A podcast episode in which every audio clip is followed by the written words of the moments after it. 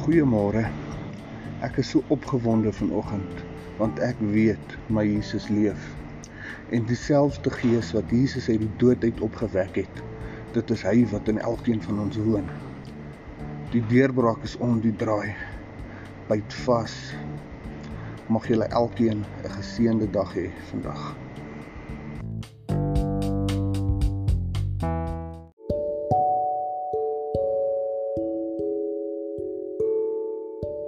Goeiedag, ek groet jou weer in die wonderlike naam van Jesus Christus en dis 'n voorreg vir my om weer saam met jou te kuier. Tot dusver het ons gekuier rondom die leraar tot geregtigheid en ons het verklaar dat jy gemeenskap met hom moet hê met verwysing na intimiteit en vennootskap en dat hy 'n verantwoordelikheid het wat hy as God se gees wil nakom in jou lewe. Vandag wil ek met jou gesels rondom die gedagte van hoe vol is jy van die belofte? En ek dink om hierdie vraag te antwoord moet jy seker eers weet wat die belofte is. Stem jy saam?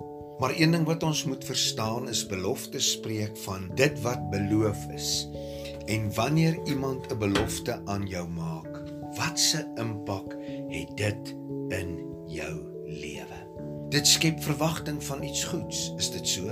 Dit wek soms opgewondenheid in die binneste. Maar wanneer ons praat van verwagting, praat ons van 'n handeling van verwag, 'n handeling van hoop. Met ander woorde, ek hoop hy gaan doen wat hy sê hy gaan doen. En wanneer ons dink aan hoop, waaraan dink ons? Ek dink aan die woorde van Hebreërs 11 vers 1 wat sê die geloof dan is 'n vaste vertroue op die dinge wat ons hoop, 'n bewys van die dinge wat ons nie sien nie. So is ek reg as ek verklaar dat 'n belofte skep geloof, want geloof is hoop. Ek glo hy gaan dit doen. Ek glo hy gaan doen wat hy beloof het. Ek glo hy gaan doen wat hy gesê het. En nou kom die woord van die Here in Johannes 14 vers 12 en hy verklaar die volgende: "Voorwaar voorwaar ek sê vir julle, wie in my glo, die werke wat ek doen sal hy ook doen en hy sal groter werke doen omdat ek na my Vader gaan." Is dit 'n belofte ja of nee? Kom ons kyk weer. Vir waarvoor waar ek sê vir julle wie in my glo, die werke wat ek doen, sal hy ook doen en hy sal groter werke doen omdat ek na my Vader gaan. Ja, dit is 'n belofte. En my vraag vir jou vandag is, hoe groot is jou verwagting vir die belofte? Hierdie belofte van Johannes 14 vers 12. Glo jy dat dit 'n werklikheid is? Glo jy dat jy dit kan doen? Sien mense die werklikheid van hierdie belofte in jou lewe. Kom ons lees dit weer. Voorwaar voorwaar ek sê vir julle die werke wat ek doen sal julle doen en nog groter werke as dit omdat ek na my Vader gaan. Wat merk jy? Die woordjie omdat omrede as gevolg van die feit So met ander woorde, Jesus verklaar dat ons groter werke as hy sal doen omrede as gevolg van die feit dat hy na die Vader toe gaan. En hier kom jou three question. Wat was die gevolg van die feit dat hy na die Vader gegaan het? Met ander woorde, wat het daaruit voortgevloei? Wat het dit veroorsaak? Wat was die resultaat? Wat was die naderdraai van die feit dat Jesus na die Vader toe gegaan het? Kom ons kyk wat sê die woord. Handelinge 1 vers 4 tot 5. En toe hy nog met hulle saam was, het hy hulle bevel gegee om nie van Jerusalem weg te gaan nie, maar om te wag op die belofte van die Vader wat julle het hy gesê van my gehoor het, want Johannes het wel met water gedoop, maar julle sal met die Heilige Gees gedoop word nie lank na hierdie dae nie. Johannes 14 vers 16 tot 17. En ek sal die Vader bid en hy sal julle 'n ander trooster gee om by julle te bly tot in ewigheid. Die Gees van die waarheid wat die wêreld nie kan ontvang nie omdat dit hom nie sien nie en hom nie ken nie, maar julle ken hom omdat hy by julle bly en in julle sal wees. So maak ek die regte gevolgtrekking om te sê ons as kind van God het hierdie belofte as deel van ons lewe. Die woord leer verder Romeine 8 vers 14, want almal wat deur die Gees van God gelei word, die is kinders van God. Vers 16, die Gees self getuig saam met ons gees dat ons kinders van God is. As kind van God is hierdie belofte deel van jou lewe. Dis 'n feit. Maar die werklike vraag vandag is: hoe vol is jy van die belofte? Johannes 15:26 sê: "Maar as die Trooster, die belofte gekom het wat ek vir julle van die Vader sal stuur, die Gees van die waarheid wat van die Vader uitgaan, sal hy van my getuig." Jesus sê hierdie belofte sal van my getuig. Wat twee dinge beteken. Eerstens, bewys te lewer van dit wat werklik gebeur het. En wat het tydens Jesus se aardse bediening gebeur buite sy kruisiging? Ons vind die antwoord in Matteus 11 vers 4 en 5. Gaan vertel aan Johannes wat jy hoor en sien. Blindes sien weer, krepeles loop, malaatses word gereinig, dowes hoor, dooies word opgewek en aan armes word die evangelie verkondig. Met ander woorde, buite Jesus se kruisiging was barmhartigheid gedemonstreer en barmhartigheid geopenbaar. Tweedens spreek getuig van dit waaraan iemand geken kan word, iemand wat bewys lewer dat iets waar is.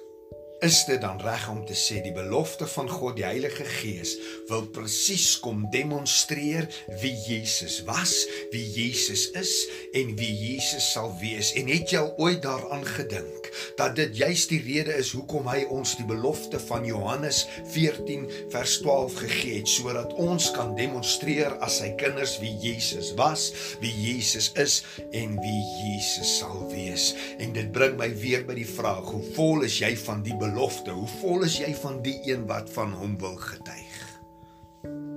Ek wil 'n baie gevaarlike stelling waag. Dat ons die Heilige Gees het, betwyfel ek nie. Maar dat ons vol is van hom, dit betwyfel ek definitief. En jy het die reg om van my te verskil. Maar dan is my vraag aan jou, wys my dan die groter werke in jou lewe. Hallo. Wys my die groter werke in jou lewe. Kom ek maak dit makliker. Galasiërs 5 vers 22 verklaar dat die vrug van die Gees is liefde, blydskap, vrede, lankmoedigheid, vriendelikheid, goedheid, getrouheid, sagmoedigheid, selfbeheersing. Hoe vol is jy van dit? Die werke van die vlees is oorspel, hoerery, onreinheid, ongebondenheid, afgoderry, towery, vyandskap, twis, jaloersheid, toornigheid, naaiwer, tweedrag, partyskap, afguns, moord, dronkenskap, brassery en dergelike dinge. Hoe vol is jy van dit?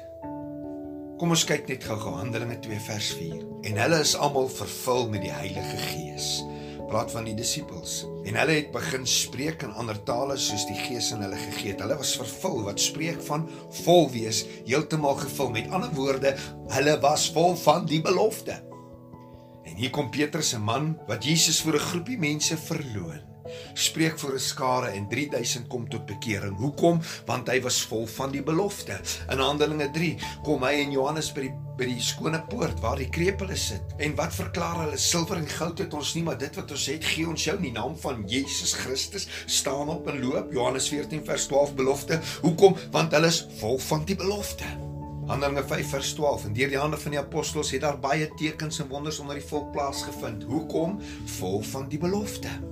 Handelinge 6:8 Stefanus vol van geloof en krag het groot wonders en tekens onder die volk gedoen. Hoekom? Hy was vol van die belofte. Handelinge 8:6 En die skare het eendragtig ag gegee op die woorde van Filippus toe hulle dit hoor en die tekens sien wat hy doen. Hoekom? Want hy was vol van die belofte.